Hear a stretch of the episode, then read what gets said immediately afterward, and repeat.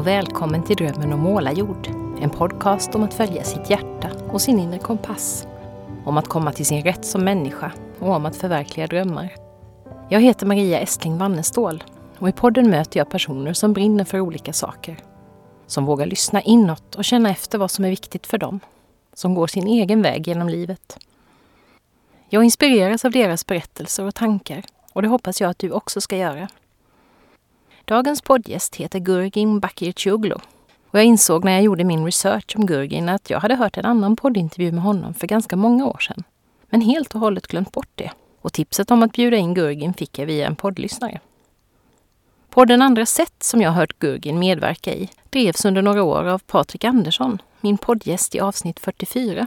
Och det finns häftiga paralleller mellan min podd och Patriks. Båda startade nästan exakt samtidigt, september 2015. Vi hade nästan likadana profilbilder på webben, även om jag har ändrat min sedan dess. Och vi intervjuade många personer med liknande livsresor, bland annat varsin del av ett kompis och kollegiepar. Allt detta helt ovetande som varandra. Kanske är det som både en annan av mina poddgäster, Kajsa Ingmarsson, och en annan inspirationskälla, Elizabeth Gilbert, hävdar. Alla idéer finns redan där ute i universum. Det är bara för oss små människor att fånga upp dem. Och ibland lyckas vi göra det samtidigt. Gurgen är en person som verkligen både har hittat och bestämt sig för att följa sin inre kompass. Den som efter ett antal år visade honom vägen till ett helt annat sätt att leva än tidigare.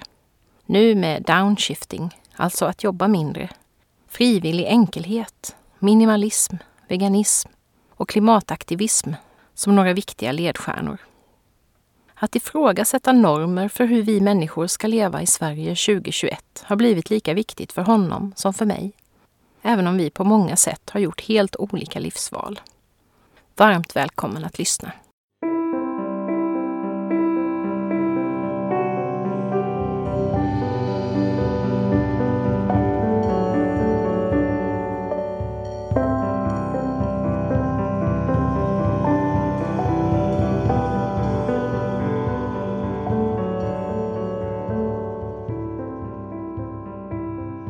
Gurgin, vad roligt att få både se dig och eh, höra dig i min podd idag.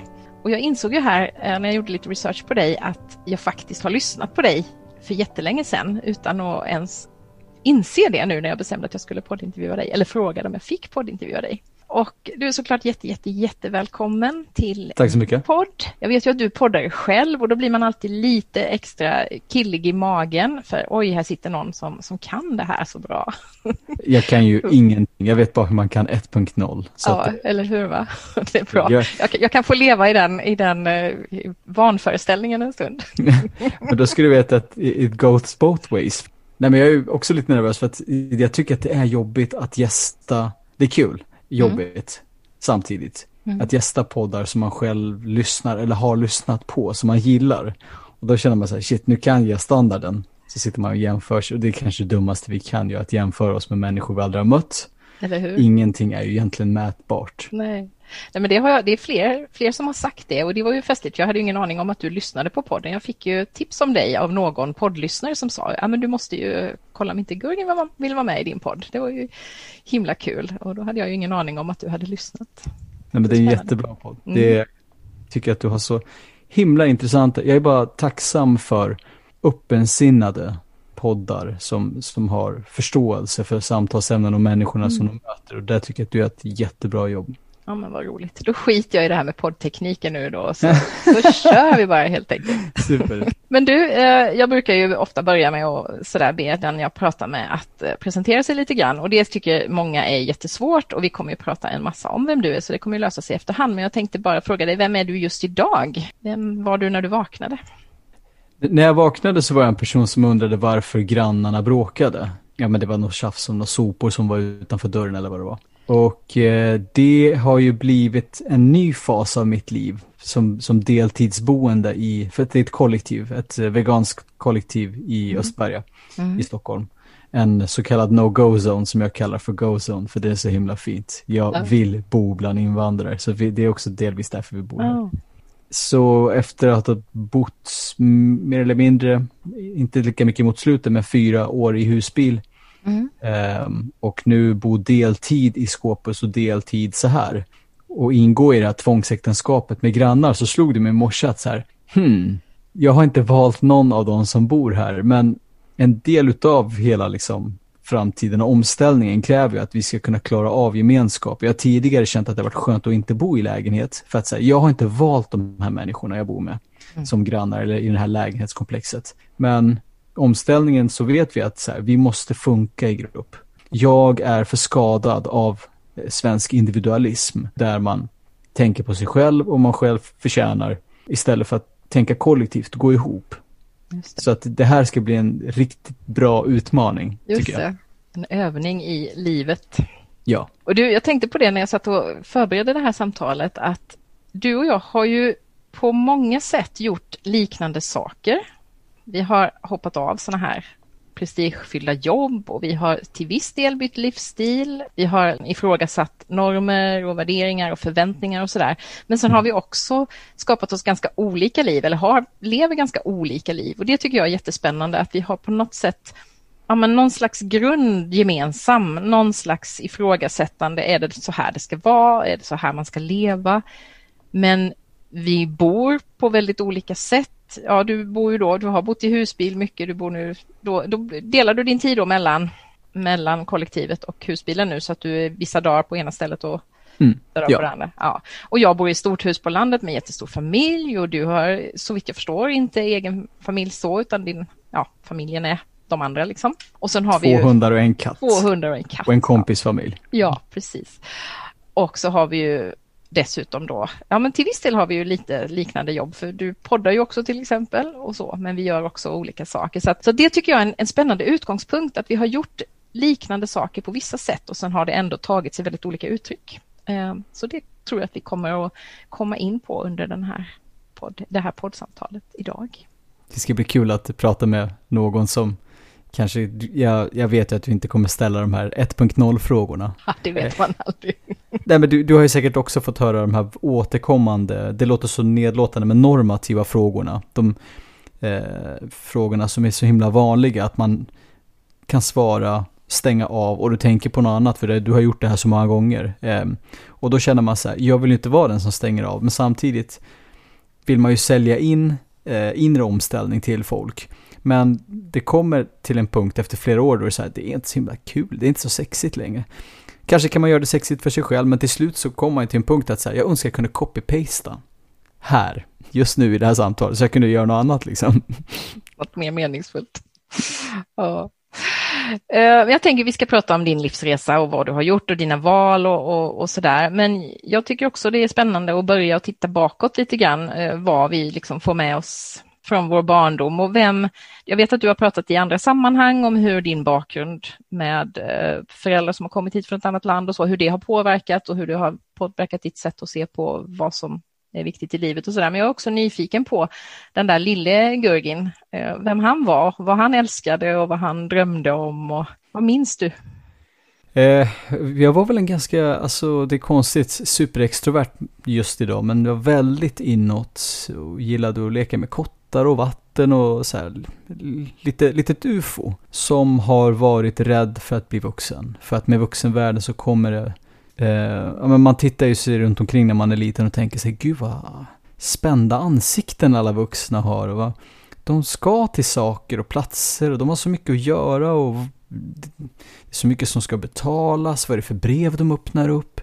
Jag har alltid känt så här, gud det här vuxenlivet har Eh, men jag formades ju in i det ganska så snabbt ändå, eh, som alla andra då, då. Men kanske i högre takt för att som, eh, som migrantbarn så är det oftast så, och kanske ännu mer om man kommer från Kurdistan, att man har förlorat så himla mycket. Och nu när man kommer hit så vill ju föräldrarna att barnen ska få det bästa. Det bästa av det bästa, det vi inte fick. Vi fick ingen skolgång och många av mina vänners föräldrar är också analfabeter så att nu känner man, man, man känner en extra press att ge tillbaka det som tidigare generation har förlorat. Så jag brukar säga det att det som brukar vara föräldrarnas dröm eh, när de kommer till Sverige blir oftast barnens mardrömmar för det är extremt mycket press. Så den enes dröm blir den andres mardröm. Mm. Så li, lite grann sådär var det för mig. Eh, men mina föräldrar liksom är ju världens finaste, de har gett mig allt de har kunnat. Men jag tycker att jag har disciplinerats bort det där barnet. Så jag försöker gå tillbaka till det där fria barnet liksom. Men eh, jag gjorde väl som alla andra, ställde mig i led, applåderade, stod i vakt i lumpen. Eh, som Bo Kasper orkester säger, så här, man applåderar för någon idiot. Ja. För det gör allihopa, då måste väl jag också. Men du, jag tycker, det, jag tycker det är intressant det du säger just om bakgrunden och, och barnen, för jag känner ju igen mig i det också, trots att jag är, är hel supersvensk, har väl inget annat än 1600-talets valloner bakom mig tror jag. Eller sådär. Mm. Men jag hade föräldrar, eller en pappa framförallt, som inte hade möjlighet att gå i skolan mer än de där obligatoriska sex åren i folkskolan och började jobba i princip när han var 10-11. Och hur han också förde över sin Alltså det kanske var på ett lite annat sätt, för det kanske inte var lika mycket eh, vi har förlorat en massa och eh, nu ska du få det, men det här att på något vis att bli någon slags ställföreträdande dröm, att jag fick förverkliga det som han hade velat göra men inte kunde göra. Och det har mm. jag burit med mig hela mitt liv med ja, men prestationsångest och sådär, att man ska vara duktig. Och det var väldigt mycket, ja men också återigen världens gulligaste föräldrar men i all välmening pressande för att man, man blev så bekräftad när man gjorde bra, duktiga saker liksom. Så, mm. så. Ja, det präglar ju jättedjupt för att jag jobbar också på mig själv fortfarande att inte definiera mig utifrån mina prestationer. Men trots det i den här presentationen av mig själv så känner jag ändå ett, men det är också för att en del av min livsberättelse, ett starkt tvång av att berätta att jag har presterat normativt och följt den svenska drömmen. Vi pratar om the American dream, men det finns en uh, the Swedish dream som är lika stark. Och, Folkhemsdrömmen liksom. Ja, så jag är väl det som många partier tycker har varit en, en sån där duktig invandrare. Alltså man började jobba i pappas pizzeria när jag var nio. Vi gick ju dit alla barnen, vi hade ett utomhusbad, vi hade kiosker, så här, blev företagare och vi jag är född i en, i en eh, tvåa i Gottsunda, vi bodde fem pers där. Och sen så flyttade vi ut till landet. Eh, bitvis bodde vi 14 pers i den villan.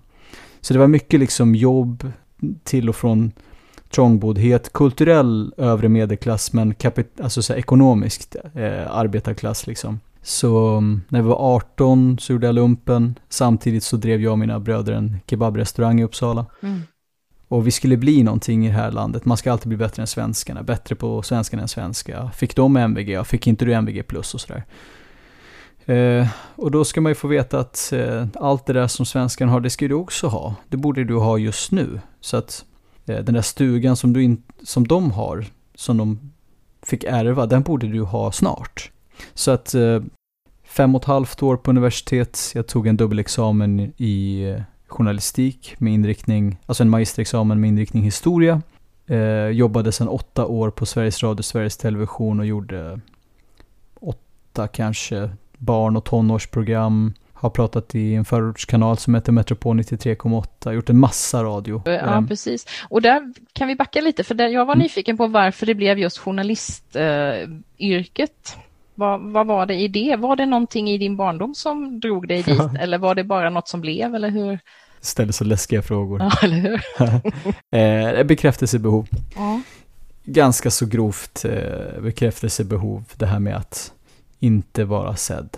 Och uppväxt på en bygd, landsbygd där du, vi var den enda invandrarfamiljen där, liksom första också. Mm. Så det var väldigt mycket där, prestera, ja, och bli bekräftad. Så. Men det kan, kan man ju bli i en massa olika yrken, så varför var det just varför blev det just journalist? Ja, för jag tror att, och, och ännu värre programledaryrket för den delen, vi ska spetsa till det. Ja, för det är liksom journalistikens frontverksamhet. Ja, det är det verkligen. Nej men det, du blir sedd. Mm. jag har inget bättre sätt att säga det på. Du blir, du blir bekräftad, du sitter på scenen. Mm. Allting handlar ju om dig. Och, och det gör det ju till viss del idag också. Eh, nu har jag byggt upp en, en följarskara och så tänker jag så här, nu ska jag använda den här ansvarsfullt ja. för att prata om annat än, det jag gjort tidigare som har varit lite så här kiss och bajs och lite humor och så här. Till att prata om saker som jag tycker är viktigt och det är ju egentligen så här moral, etik, filosofi, eh, naturfrågor, djurfrågor, social rättvisa liksom. Sånt som jag tycker definierar oss som samhällen, hur, hur vi behandlar de absolut svagaste ja. um, som definierar oss. Så lyfta sådana frågor om minimalism, frivillig enkelhet, veganism. Men också ja, det, som, det som kan provocera folk väldigt mycket, men så här, frivillig barnfrihet, eh, vad är en familj, vad är ett, vad är ett levande liv liksom? Mm. Hur, hur kan vi själva få äga definitionen av vad ett normalt liv är på individnivå? Och hur gör vi det? Hur, sätter vi, hur omsätter vi alla de här fantastiskt fina tankarna som vi är överens om? Alltså hur sätt, omsätter vi dem i praktiken? Ja, just det. Och där har, du, där har du nytta av din journalistbakgrund ändå, eller programledarbakgrund, just för att du har, ja, men du har lärt dig att, att prata om viktiga saker, eller du kanske inte tyckte de var lika viktiga, eller det kanske du tyckte när du var där, men sen i efterhand kanske du inte upplevde det så, eller? men jag tänker att det hade, hade du gjort ett helt, något helt annat yrkesval så hade kanske steget varit längre till det du gör idag, eller? Mm, jag vet inte. Ja, men, eh, självklart, alltså journalistik, därför journalistik, PR och kommunikation, allt står väldigt nära varandra för att det handlar om att sälja in ett budskap. Eh, hur ska det paketeras? Och det tycker jag är en bra teknik att använda sig av, men det som man inte kanske fokuserar mer på, som borde vara huvudkärnan, det är så här, vad är det någonting vi vill förmedla?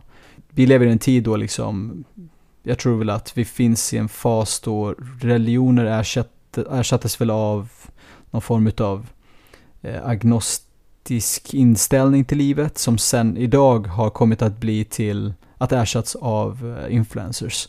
Och nu när influencers är våra nya religioner så märker vi också att det finns inte så mycket som sägs. Utan det är en sportdryck som ska säljas in, det är gymtight som ska säljas in. En sportvecka i Malaga för dig och din partner med 20% rabatt om du säger namnet Gurgin till Apollo. Sådana grejer. Och då känner jag så här att det måste ju finnas en viktigare saker att, att prata om än att bara se till att betala av sin hyra. Liksom. Mm. Ja, men det är väl på samma sätt som jag har tänkt med min bakgrund som lärare och forskare i språk som kändes viktigt då. Men nu när jag jämför med vad jag jobbar med idag så känner jag att jag har ett, ett mycket viktigare budskap än att man ska lära sig i oregelbundna verb. Liksom. Men det är ju, jag har ju nytta av det jag har gjort för jag har lärt mig att ja, men jag har lärt mig att föreläsa, jag har lärt mig att presentera saker pedagogiskt, jag har lärt mig att skriva. Allt det där har jag ju glädje av idag. Men nu är budskapet ett annat än, än vad det var för 15 år sedan. Mm. Vad, vad trevligt att du, du, du, har verkligen hittat, låter det som, nå, någonting och det här meningsskapandet, eh, det meningsfulla. För ja. Att, ja men det är som du säger, alltså egentligen så vem som helst kan ju lära sig göra en fantastisk presentation. Men vad är det som sägs? Alltså vad, vad säger folk egentligen? Vad är det vi vill paketera in i det där. Ja. Och det du sa också om att just det där om att ta ansvar, om man nu har, nu har inte jag någon stor följarskara så, men jag har ju ändå en liten och att det känns så himla viktigt att använda den på något mm. sätt. Och det är mycket det som, som har hänt med det här podderiet också, liksom att, att lyfta fram människor som har något vettigt att säga då och att inte peppra podden full med reklam för eh, sportresor till Malaga, utan att ta, ta ansvar för att göra det på, ja, sprida något viktigt, tänker jag. Mm. Och det gör. Jag tycker, jag tycker med dina samtal att du, det handlar inte om att, vi älskar att prata om att krossa normer. Eh, jag tycker vi ska vara lite försiktiga och bara kanske säga, uttrycka oss på sätt som att vi ifrågasätter majoritetsnormer. Ja. Vi får folk att titta på hela, hela den här matrisen, hela Matrix och tänka så här, is this it?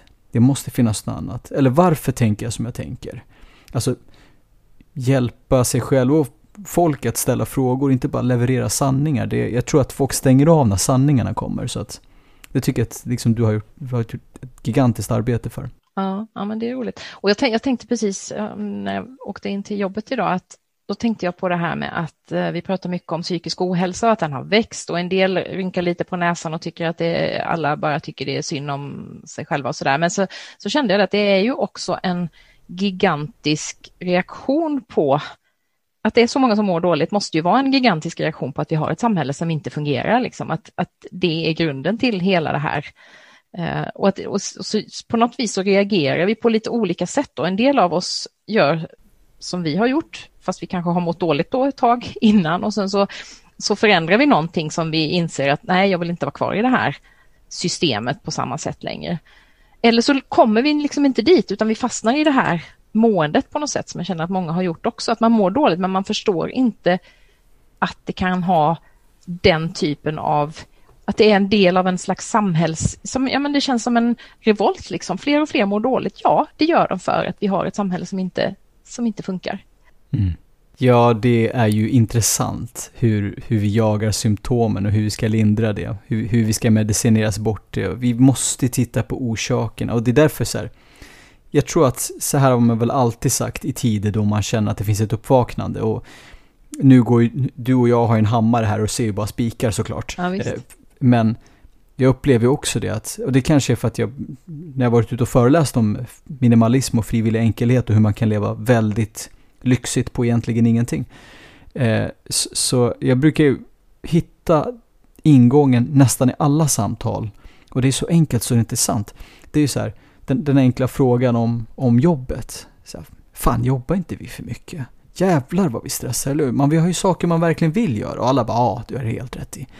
De vill inte lyssna på liksom mina, tank, mina så här, konsumtionskritiska Nej, tankar, systemkritiken, eh, hur vi skulle kunna jobba mindre, hur vi, alltså så här, politiskt eller eh, om veganism och hur vi kan ta hand om våra kroppar, hur vi kan ta hand om våra jord för att vi måste ta hand om våra, oss själva, så här, det här holistiska.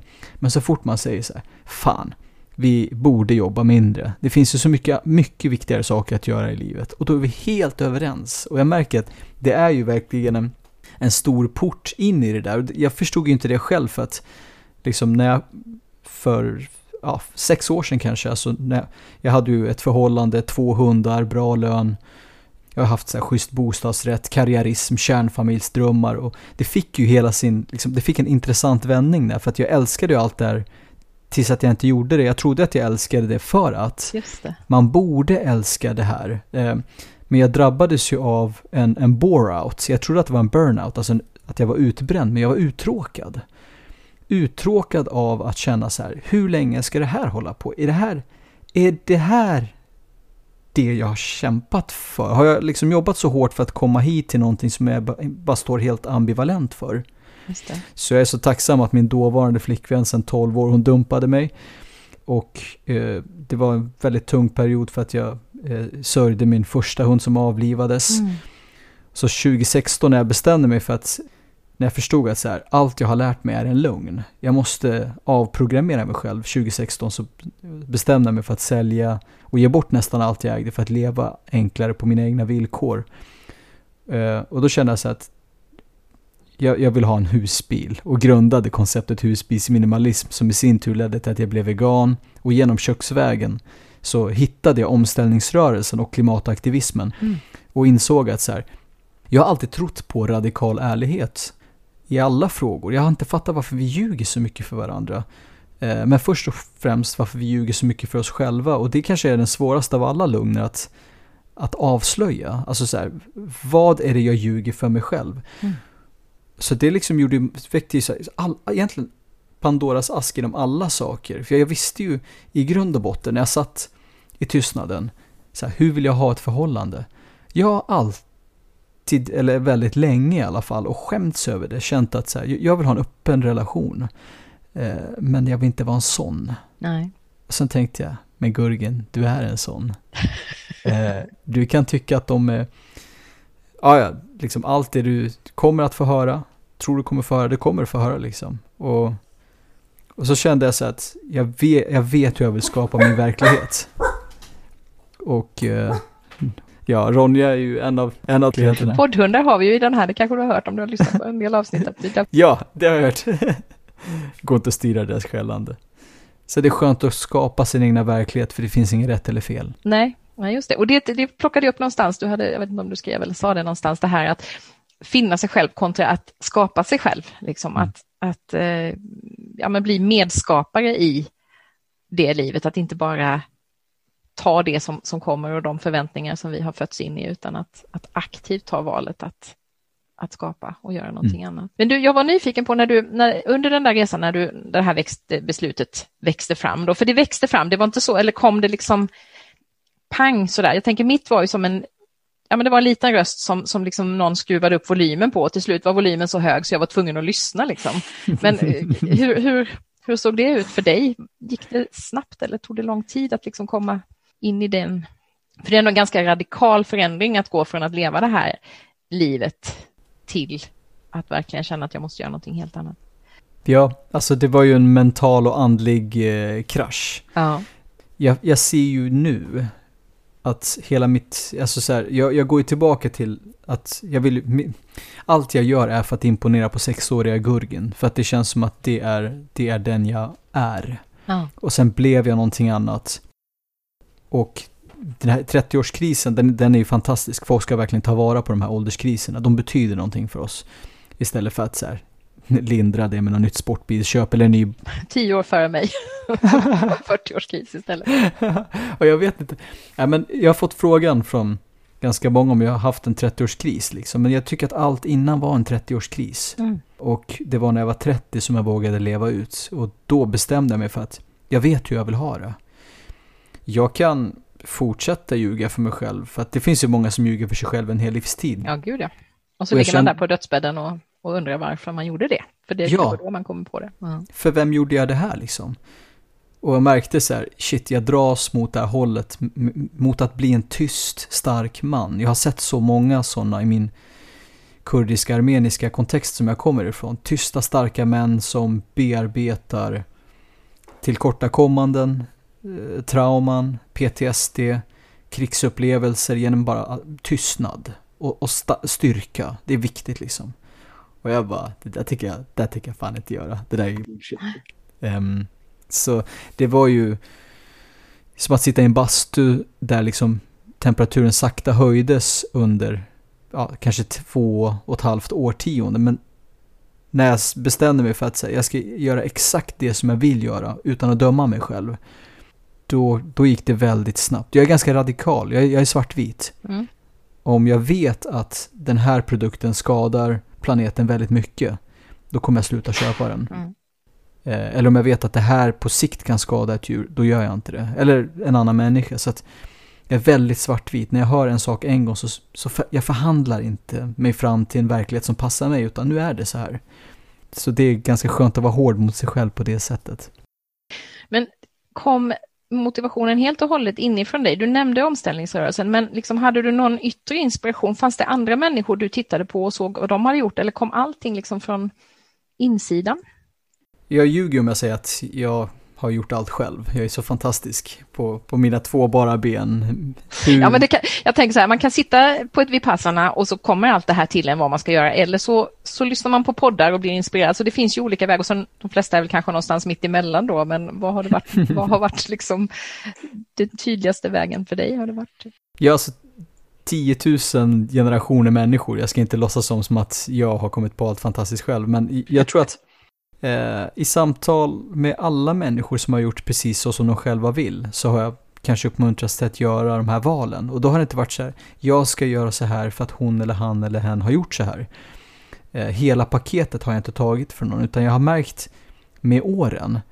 För jag trodde inte att när jag sålde allt för att köpa en husbil, Eh, Och när jag liksom gjorde mig av med alla mina grejer att, oh, att, att det fanns något som heter minimalism. Och det, det är en ideologi. Men den, den är ju inte västerländsk för den finns ju i alla fattiga samhällen också. Mm, såklart. Då förstod jag inte att det skulle leda in till veganism och att det skulle leda in till klimat och att eh, jag dumstrade då också. Jag tr- trodde inte att det skulle leda in till mina tankar om matsvinn. Jag, Mm. jag ser nu hur allt är kopplat.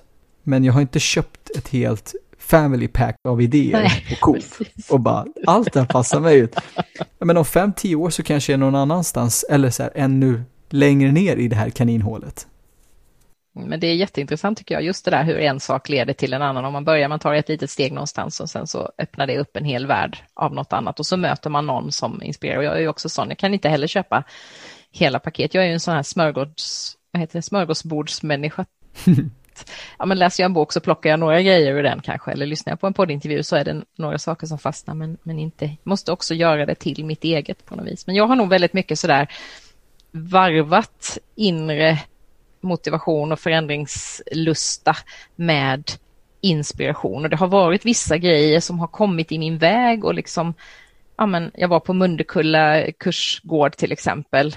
Och där började någonting hända och det var ju inuti mig men samtidigt så var det ju för att det hände saker runt omkring och jag lyssnade på andra människor som kanske hade gjort andra livsval och sådär. Så att ja, men någon slags växelverkan där mellan att lyssna inåt och att lyssna, det pratar jag ju mycket om, liksom, lyssna inåt och sådär i, i podden och så, men att också lyssna utåt på de som kan hjälpa mig att ta steg och inspirera mig och så. Så, så tycker jag det har varit ganska mycket för mig. Det är så, det är så otroligt modigt. Det är ju, jag märker ju ju äldre man blir att det, blir, det blir ju i sin omgivning svårare för folk att rucka på sina sanningar. Mm. Och sen att inse att så här, jag har inte så många sanningar just nu för att jag har gett upp dem. Nu vill jag vara tomt blad och sen så skapar man ju någonting nytt det här. Jag vill ju säga finna men jag undviker ordet finna för alla, som du sa, det här med finna sig själv. Alla åker till Indien, alla ska hitta, det finns något heligt i Indien, alla ska hitta det liksom. Det är där jag finns. Ja. Men jag finns ju överallt. Finns ju överallt, ja visst. Det... Och just det där att, ja, men att, att alltså på något vis studsa mot, mot andra människor och mot andra tankar och, och hitta sig den vägen också. Det tycker jag är väldigt spännande. Vi brukar prata om, min kompis Sara som jag delar kontor med här, hon brukar prata om, eh, är det bokstöd hon säger det här, liksom att ja, men på något vis ha någonting att ta spjärn mot sådär. Att man formas av ja, men det man möter och då har man valet, ska jag gå den vägen eller ska jag gå åt andra hållet? Liksom? Men att mm på något vis som en studsboll som studsar åt olika håll och testar och ser och, och undan för undan liksom mer och mer hittar det här är jag.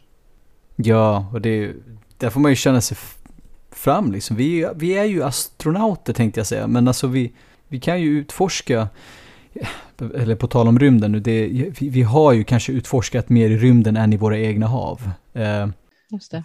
Och vi har ju förmodligen utforskat mer i, i, på vår planet än vad vi har utforskat inom oss själva. Jag vet inte vad det här säger om oss som art. Mm. Men det är en väldigt spännande tid där vi, vi känner knappt vår granne men vi åker på liksom, weekend till New York och vi, vi, vi, känner inte oss själva. Vi ska känna hela världen men vi känner inte oss själva. Eller vi vill inte möta oss själva. Um, det där är otroligt läskigt. Och mm. Jag tror också att vi vet att om jag, om jag börjar, jag kände så här när jag själv skulle börja, så här, om jag går in i det här, eh, det kommer att ifrågasätta allt. Det kommer att förmodligen göra så att jag tjänar mindre pengar. Mm. Eh, det kommer göra mig mindre lönsam. Det kommer att sabba arbetstillfällen för jag kommer säga saker som det inte finns ekonomisk vinst i. Utan som det finns, eh, vad jag själv tycker är så här, moralisk vinst i för, för allt som lever. Alltså, och för andra gå andra viktiga ärenden än just att samhället ska rulla som det ska göra. Du ska gå till jobbet för du ska betala skatt och du ska göra din familj stolt genom att göra det på det här sättet. Mm. Om du börjar ifrågasätta så kanske du väljer bort den här traditionella kärnfamiljen. Eller du kanske väljer bort den här bostadsrätten som alla ska ha. Eller du kommer kanske inte passa in på den här hemmafesten där alla pratar om renoveringar.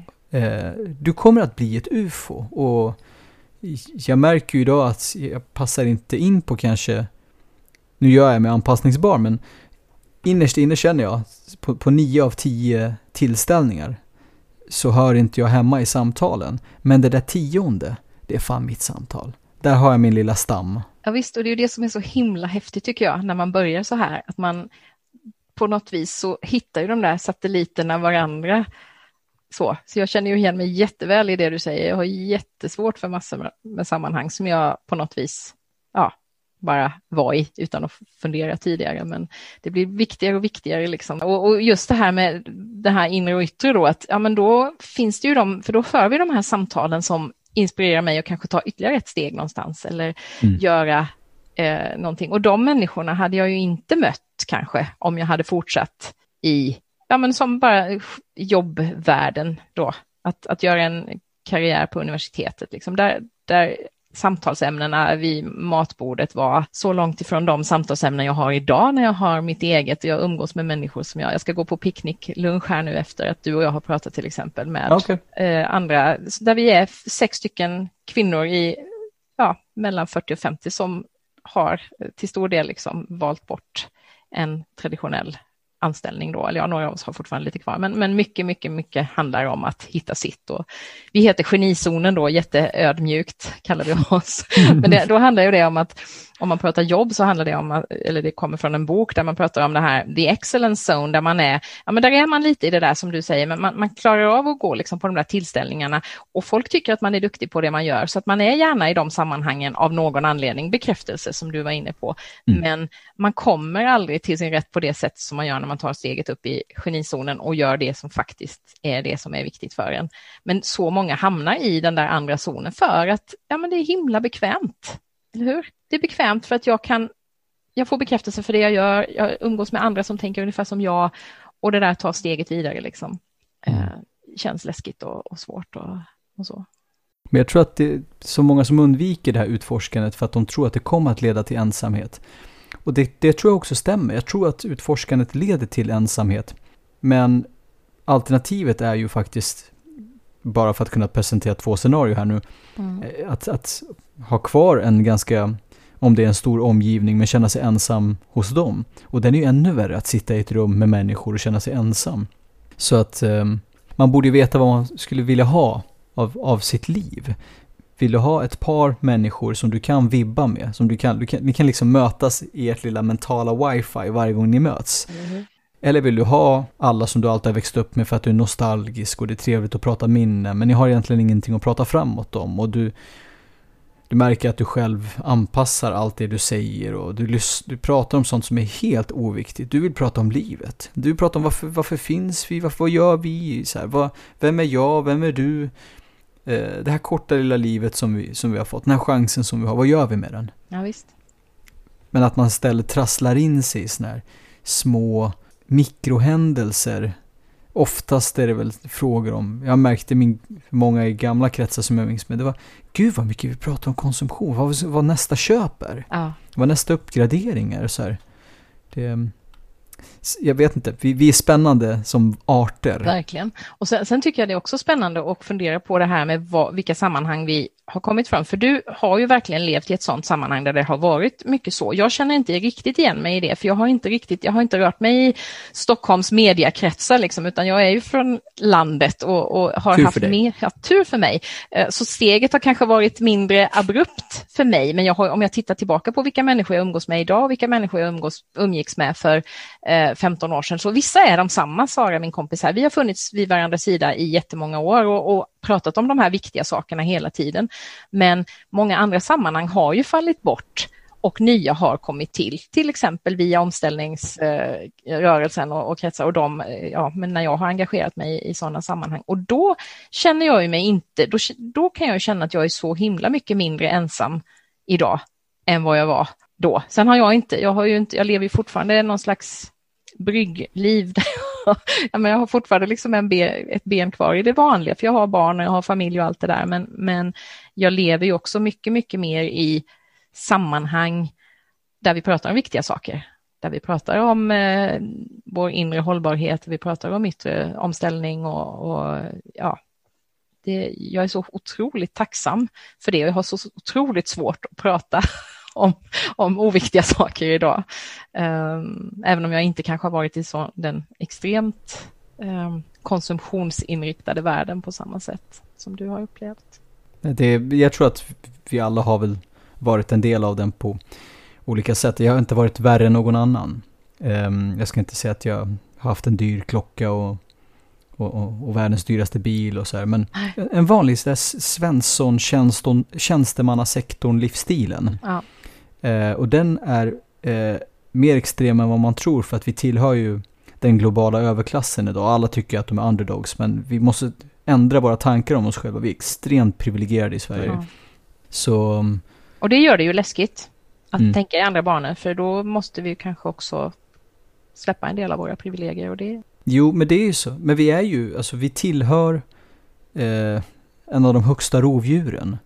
Och och vi förstår inte hur aggressiv vår livsstil är. Vi, jag förstår att det ser gulligt ut när vi paketerar saker fint och vi pratar om det gulligt och våra intentioner är så snälla och sådär. Men titta på våra utsläpp. Ja, visst. Titta på hur vi förvaltar vår jord. Titta på våra, hur vi mäter ekonomi mot ekologism. Det är helt, det är bortom all orimlighet. Alltså inte bara på sättet vi röstar på, för vi, åh Greta är fantastisk, och hon har rätt, politikerna gör någonting nu säger vi. Men vi är inte redo på att ställa om när de kommer med stora beslut. Nej. Så att allting börjar ju med det lilla revolutionära mikrolivet. Mina vanor, dina vanor, allas vanor som idag skapar ett system. För man säger det systemet är fel på. Ja, men det är vi som är systemet. Vi är systemet av dåliga tankar. Vi är systemet av stress. Eh, de här samtalsämnena du hatar att höra när andra pratar om dem, hur ofta pratar du om dem själv? Och så vidare. Alltså vi, vi reproducerar rasism, sexism, eh, allt det här eh, som vi avskyr skapar vi. Mm.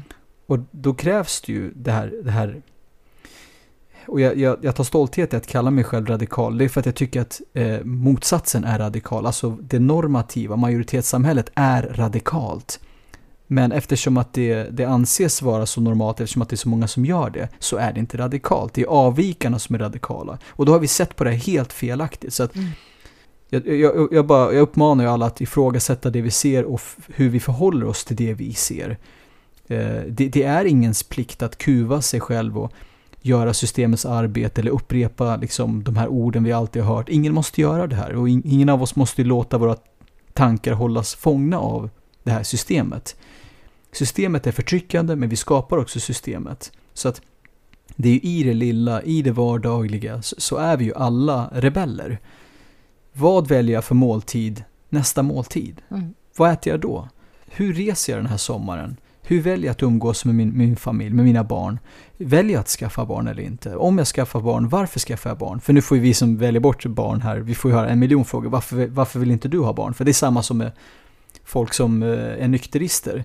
Varför är du nykterist? Ja, och det slog mig att jag har aldrig hittat ett ord, ett motsatsord för nykterist. För det är ju, det är ju missbrukare, men det, nykterist borde ju vara eh, konsument, alkoholkonsument. Men ja. det, det är inte ett ord Nej, för det är så bara så självklart att det är det som är normen. Det är så vi mm. gör. Ja. Ja, så att vi har ju jättemycket och de måste vi prata mer om. Eh, för att idag är ju, det är ju vi veganer som har en ideologi, alla andra har ju inte. Vi måste prata om de osynliga ideologierna. Mm. Vi måste definiera dem och veganer måste sluta prata om, eh, om att de är veganer. Vi måste börja prata om att köttätare är köttätare. Alltså hur är en karnist? Nu vet vi hur veganer konsumerar, men hur konsumerar en, en, en karnist till exempel? Mm. Så att eh, jag tror att vi måste bli bättre på att definiera eh, majoritetsnormer eh, och majoritetspraktik. Vad är det folk gör? Ringa in det ordentligt. Vi kan inte ordentligt idag definiera vad heterosexuell, tvåsam heterosexuell relation är. Vi vet exakt hur en bisexuell, hur en homosexuell relation är, men vi kan inte beskriva en tvåsam heterosexuell relation.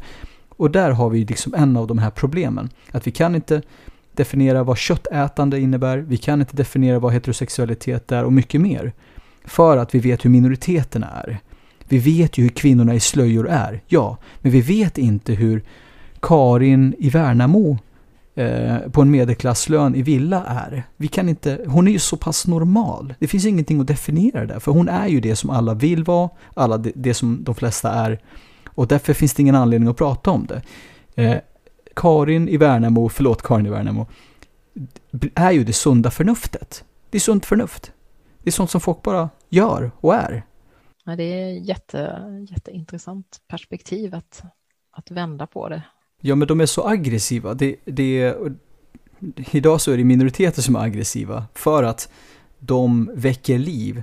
De skapar tankar om det osynliga. Ja som gör att det kliar i folk och tänker så här, Åh, fan, det här, det här har inte jag tänkt, det här ska inte jag hålla på att tänka på, nej. nej så alla normativt laddade föreställningar som bara på något sätt ruckas eller det kommer en vindpust mot dem, det väcks ju väldigt mycket aggression mot de som gör det. För det är de, och det är så här man projicerar. Man, ja, vi, vi får ju faktiskt ta hand om vårt vårt, vårt psykiska inre här nu. Men det finns ju så många som triggas för att de aldrig själva har tänkt på hur samhällskonstruktionen ser ut. De tänker ju bara på avvikarna. Just det. Men du, ditt, mm. ditt liv idag då? För nu, nu har det ju gått några år sedan du gjorde det här stora, eh, den stora livsförändringen och avhoppet. Och vad, vad har hänt liksom under den tiden? Hur har det påverkat dig? Såklart att du har släppt fram de här tankarna eh, och att de har blivit en del av, av dig. Men hur, hur ser det ut liksom i, din, i din vardag? Om du jämför hur livet är nu, hur det var då och mm. hur det är annorlunda. Så hur, hur går det på min lilla flummeli-flumresa?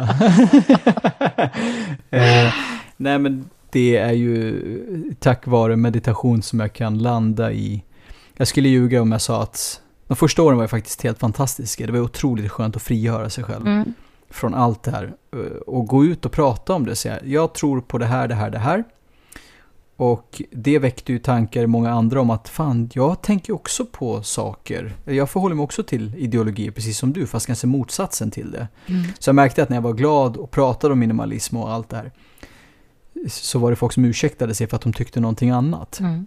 De ville göra de flesta valen som jag gjorde, men gjorde annat istället. Jag tänkte säga fel, men fel enligt sig själv. Mm. Eh, jag har kommit till en punkt där liksom hela den här explosiva glädjen, frälsarfasen, där alla ska gå runt och prata om hur fantastiska grejer de har hittat. Den, den, är, den är lite över mm. Eh, efter en fem, sex år. Och nu så är jag väl mycket mer, jag har kommit in i en fas där jag känner mig gammal på det sättet att jag bryr mig om vad folk säger igen. Det har kommit ikapp mig. Eh, jag har varit med i så många samtal. Först och främst publikt, alltså i, i, debatter och mycket mer där, där jag har fått ta ansvar för folks eh, försvarsmekanismer, dissociation, alltså när man fysiskt och känslomässigt avskärmar sig från en verklighet i en upplevelse, alltså den här känslan av att man inte är helt medveten eller närvarande och man, eh, vad ska man säga, alltså där, vi känner oss berövade av makten att göra vad som återspeglar vad vi egentligen säger och känner. Alltså nu har jag suttit i sådana diskussioner där, gud jag trasslar in mig själv just nu, men där jag har fått höra så många gånger att jag är galen. Att jag har under en lång period, under coronamörkret speciellt, varit riktigt jobbigt, känt att jag är, jag är nog galen. Mm. Det, är, det är nog någonting fel på mig.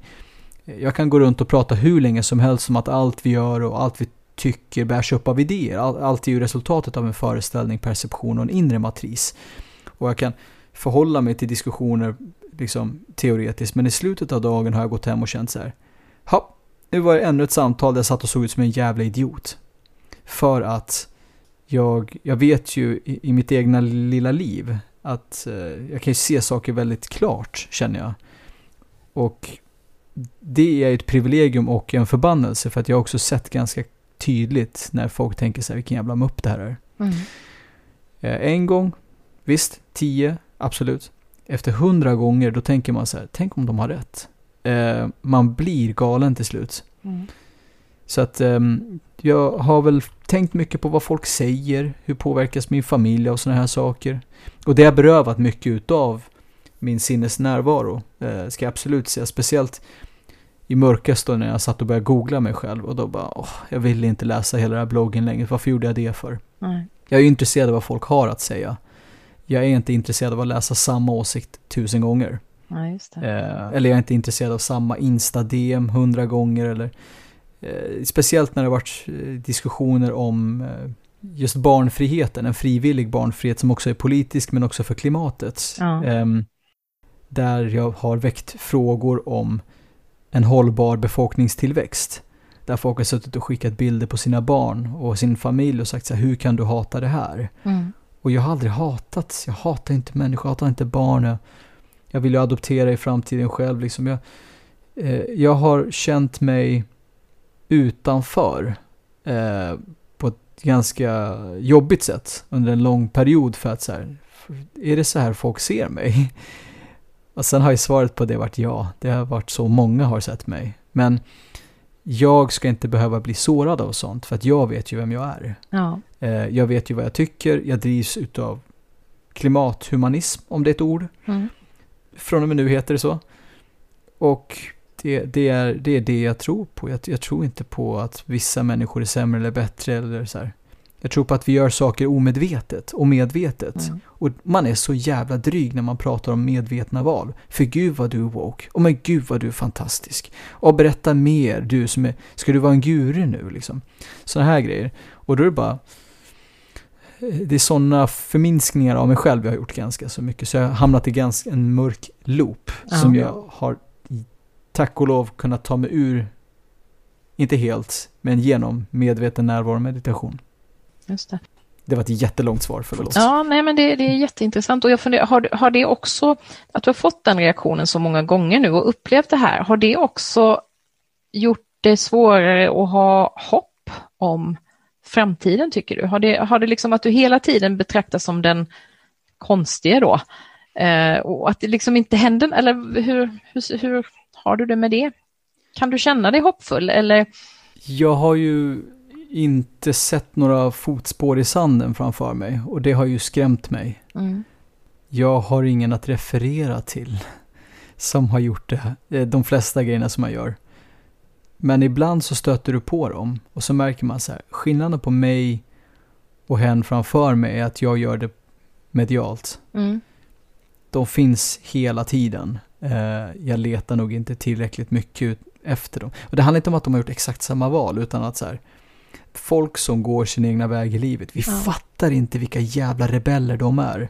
Och det, jag tänker mig att man måste vara sin tids Jesus. Han var fan den största jävla rebellen alltså. Alltså på en tid då folk, det, det, humanismen var ju inte stark då inte, så, så, väljer den här personen framför allt annat att, att tvätta folks fötter och umgås med prostituerade och umgås med det som, det här samhällets skräp såg han som det mest heliga. Och man bara, fan alltså det, det där var en riktigt cool dude. Eh, han, var, han var fan punkare. Ja. Jesus var Jesus var sin tids Rage Against the Machine och jag kanske ska vara min tids Rage Against the Machine. Ja, just det. Eh, så att det, jag har väl kommit, jag, gud jag sitter och jämför mig med sådana här människor, det är inte det, jag vill inte upphöja mig själv. Men jag menar bara att de, det finns så extremt många modiga människor. Och jag tänkte just på, har du, jag vet inte om du har läst den här, uh, Aktivt hopp? Nej, det har jag inte gjort. Nej, jag översatte den tillsammans med min uh, dotter. Det är ju uh, Joanna Macy, en, ja, hon har varit klimataktivist i 60 år tror jag, eller någonting, och en engelsk läkare. Och jag tycker det är så fascinerande det de skriver om, för de, de pratar ju om det här att vi måste liksom ner i det där svarta hålet, vi måste förstå hur mycket det är som är skevt och fel och, och de är ju inne på precis samma tankar som, som både du och jag är, men de pratar ju också om, jag tycker de har en sån fin metafor med det här med ett pussel, liksom. när man zoomar in på ett pussel så ser man bara den lilla, lilla, lilla pusselbiten och sen om man zoomar ut blicken och så ser man alla de här som faktiskt precis som du var inne på, jobbar fast mm. det är inte alla som syns i media, men det händer en massa saker och det brukar hjälpa mig när jag fastnar i de där tankarna, att vad är det för mening liksom att, att hålla på eller är det bara jag som är knäpp och varför händer det ingenting? Men, men inse det liksom att det händer så mycket saker på så många ställen som mm. vi inte har en aning om.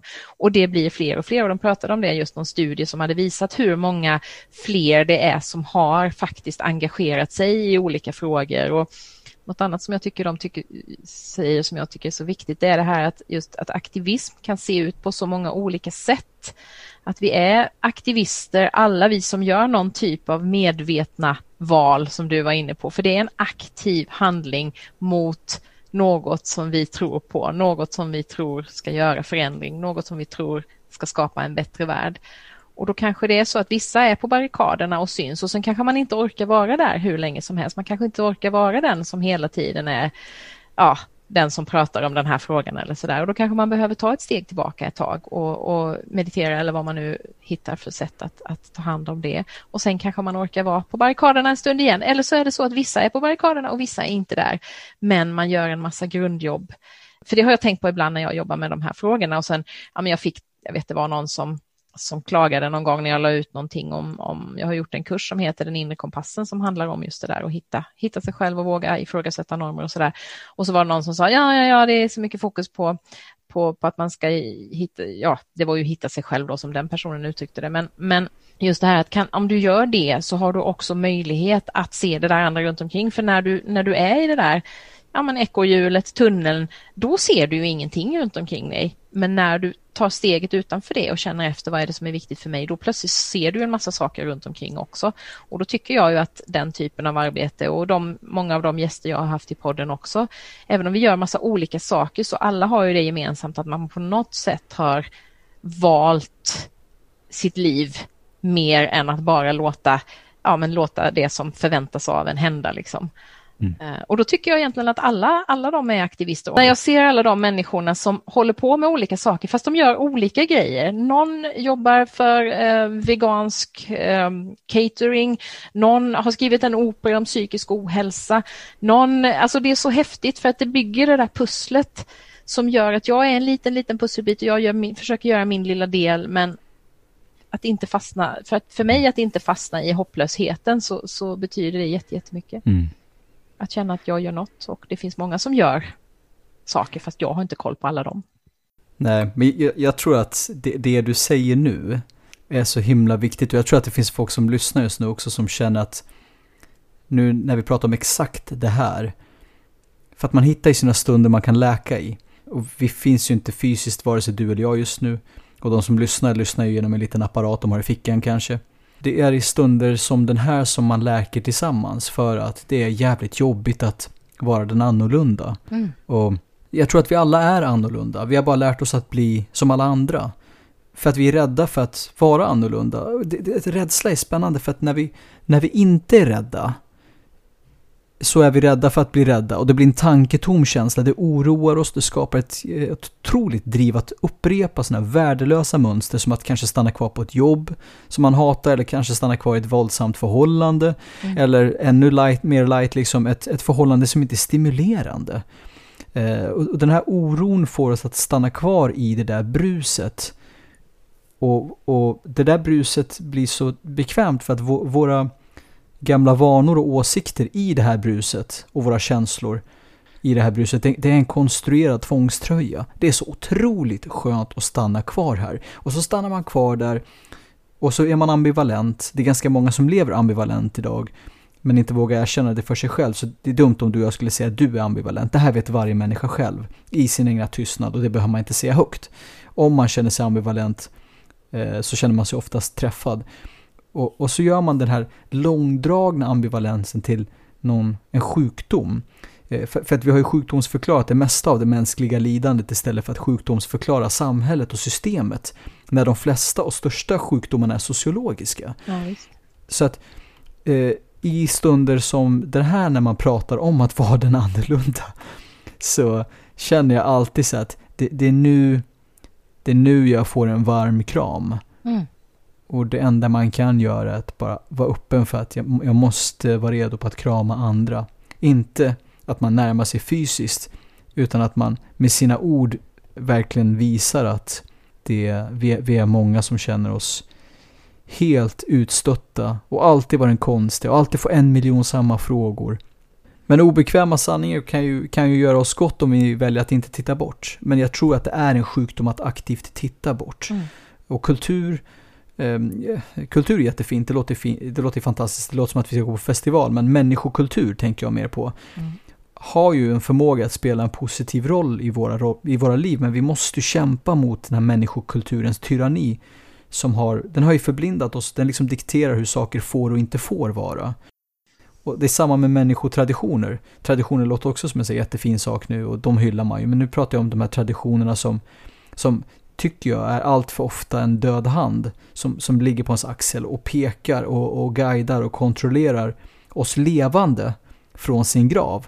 Det, det är döda händer som pekar från sin grav. Alltså, det, det, tar emot att tänka nytt, att känna nytt, att uppleva nytt när vi, när vi tillåter generationer av döda människor göra motstånd. De är döda. All respekt till dem, men de är döda. De har gjort så här kanske 10 000 generationer. Vi behöver inte. Nej.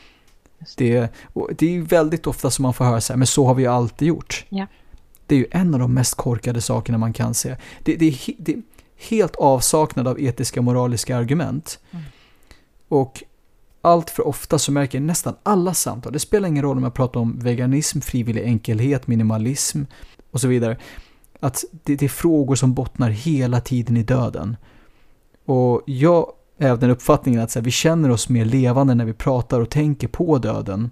Helst med människor vi aldrig har mött, för det är det bästa som finns. Ja. För jag tycker att döden ger, den ger många mening. Alltså den, ja. den spänner livets tråd. Och det, det, är dumt att försöka upphäva den, för det är då vi håller på att larva oss med konsumtion och den nya resan och den nya pojkvännen och flickvännen, det nya barnet, det nya, det nya hela tiden. För vi kan inte stanna upp i det som finns, för det som finns är skitläskigt.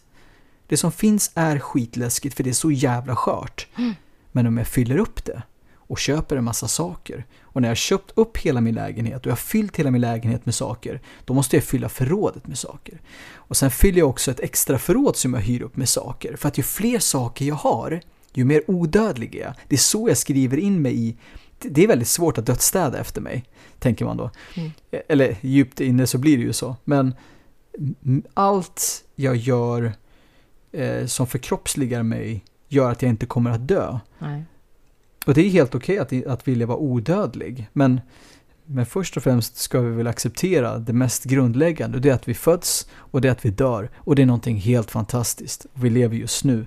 Eh, vi lever inte i slutet av en fantastisk karriärregnbåge vid en fin trädgård där vi, som vi har jobbat för hela våra liv. Eh, vi vet inte om vi kommer dit. Vi vet att vi finns här just nu och vi kan dö precis när som helst. Och det är en jättefin tanke att förhålla sig till för att vi vet inte vad som händer. Är det här allt? Det vet vi ju inte heller. Men det, det är väldigt vackert hur kort det är. Mm. Men det är läskigt för, för många. Då hittar man de här då skapar man objektiva kvalitetsmarkörer om vad som är ett bra liv och vad som är ett dåligt liv. Man måste ju, och vi köper massa saker som vi ska äga för det är en intim förlängning av oss själva. Jag och min klocka, jag och min nya jacka och sådär. Mm. Så allt vi sysslar med eh, är ju bara det, är bara, det är bara ett fält som bygger på massa observationer. Eh, och allt är egentligen på låtsas. Och allt är på låtsas och vi bygger de här observationerna på rädsla, tror jag. Ja. Men du, jag, jag, tänkte på det här med ja, men omställning och inre och yttre hållbarhet som både du och jag har engagerat oss mycket i. Och det var någonstans du sa eller skrev att omställning är ju kul också. Och det tycker jag är så viktigt att ha med sig, att det inte bara handlar om försakelser och förlorade privilegier och, och just det här att ja, men det finns ju, det är jättemycket som är skitläskigt, det är jättemycket som är skrämmande framtidsmässigt och det handlar om vem jag är och allt det där. Men att det finns så mycket som är roligt och fint och blir bättre. Det skulle jag vilja prata lite också om och som jag känner att omställningsrörelsen har bidragit till att påminna mig om. Att väldigt mycket, alltså jag lever ju ett mycket bättre liv nu, även om jag aldrig har levt extremt eh, konsumistiskt tror jag, för jag hade nog med mig ganska mycket miljöperspektiv redan från mina föräldrar. Men men ändå så är ju det här livet mycket mer, det finns så mycket mer livsglädje på något sätt i det livet än det fanns tidigare när så mycket handlade om ja, men karriären, det handlade om att eh, ja, längta till semestern och så. Det har jag ju också varit i för, för många år sedan. Men att det finns så mycket Ja, men för mig har det varit så att det har varit så mycket glädje i ja, människorna jag har mött, till exempel via omställningsrörelsen och, och en del sådana sammanhang. Hur ser du på det? Ja, så man måste verkligen sälja in det med att eh, med hela verkligheten och det är ju, det kommer med smärta, ja. Det kommer med att man förlorar vänner. Absolut kommer du förlora vänner. Eh, det, det, tror jag. Jag tror att all slags omställning eller förändring gör, skapar så att du, du förlorar någonting men du också vinner någonting. Om man vill se saker i förlust och vinsttermer. Men det finns en otrolig förändringsglädje i det här. Och det är att man faktiskt kan leva i enlighet med sin innersta sanning. Och vad, vad den är, den får man ju komma fram till själv. Det, det är viktigast att man kan definiera den så långt den bara går. Alltså man måste ju stresstesta sig själv också. Mm. Um, och så tänker jag med mig själv, alltså om veganism är, om det finns någonting som är bättre för djuren i, i djurväg, um, för att de ska slippa lida, men först och främst också för att de ska slippa dö. För idag pratar vi oftast om hur de lider, men de hade det bra på gården. Men de dör i slutändan, som jag tycker att vi borde prata om. Finns det någonting bättre än veganism, då måste jag känna så här, då måste jag överge de här orden och den här identiteten. Och, för det är en identitetsmarkör. Mm. Och istället förhålla mig till det. Att man hela tiden kan hålla sin kompass öppen för vad som är viktiga värden för mig och inte. Alltså att jag tycker att omställningsrörelsen inte är några arga människor som kastar färg på, på, liksom, på Rosenbad och, och skriker att ni är mördare. Omställningsrörelsen är ett gäng glada skitar alltså. Man Mer fest än protest är ju slagordet. Ja, ja.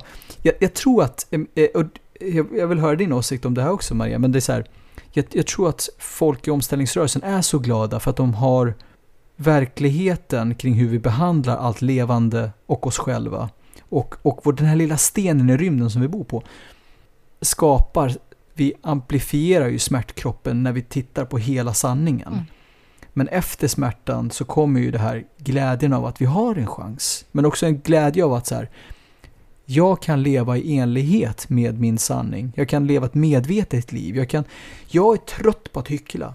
Jag vill inte säga att det viktigaste som finns är moder jord. Men sen reser jag till Thailand. Nej. Och sen äter jag kött. Och sen hittar och dattan och hittar. Att jag är aktivt fel när jag vet vad som är vad jag borde göra. Så vi har ju ett intention gap som vi täpper igen. Eh, alltså det, det där vi har den här vackra, och det är, jag tycker att det här är en ganska så stark nordeuropeisk, kanske till och med svensk tradition där vi säger fina saker.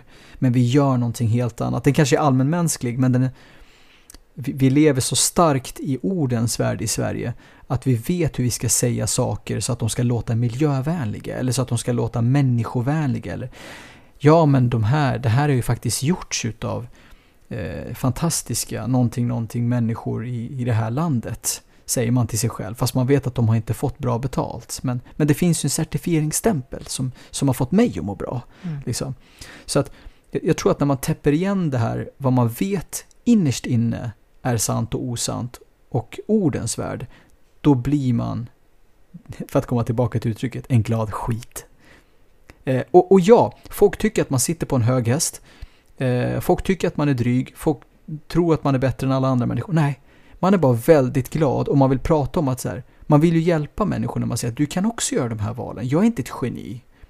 Jag är inte ett geni, men jag vill bara, precis som allt som får oss att må bra går vi runt och predikar om, oavsett om det, är om, om det är en religion eller, eller vad det är för någonting.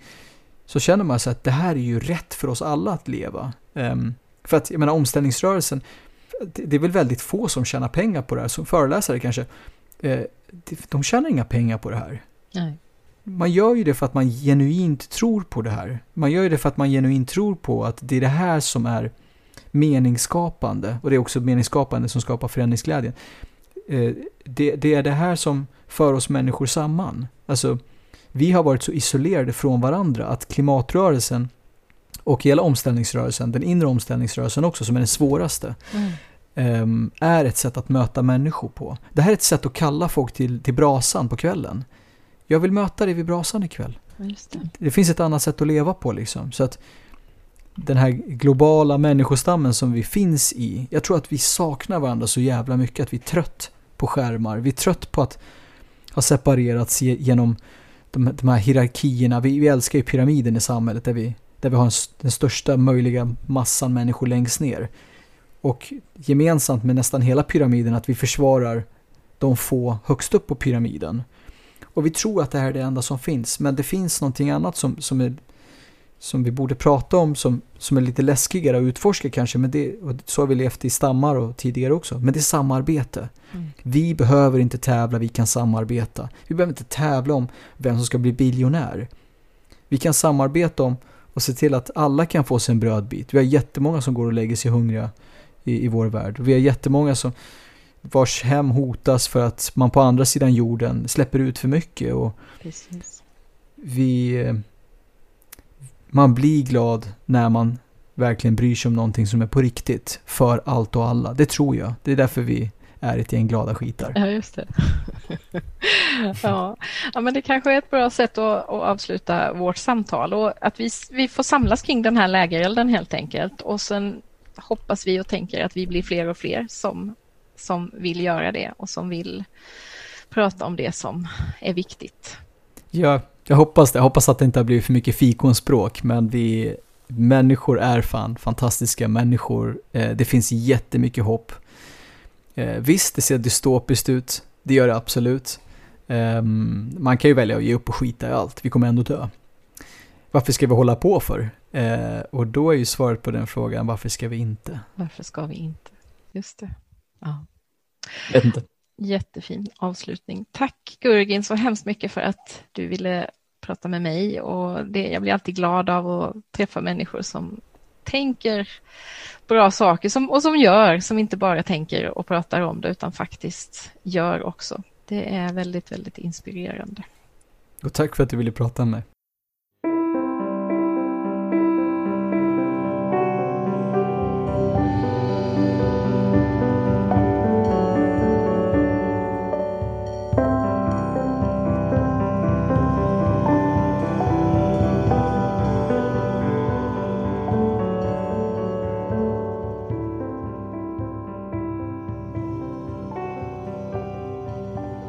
Du ha mer av Gurgin tycker jag att du ska följa hans Instagramkonto.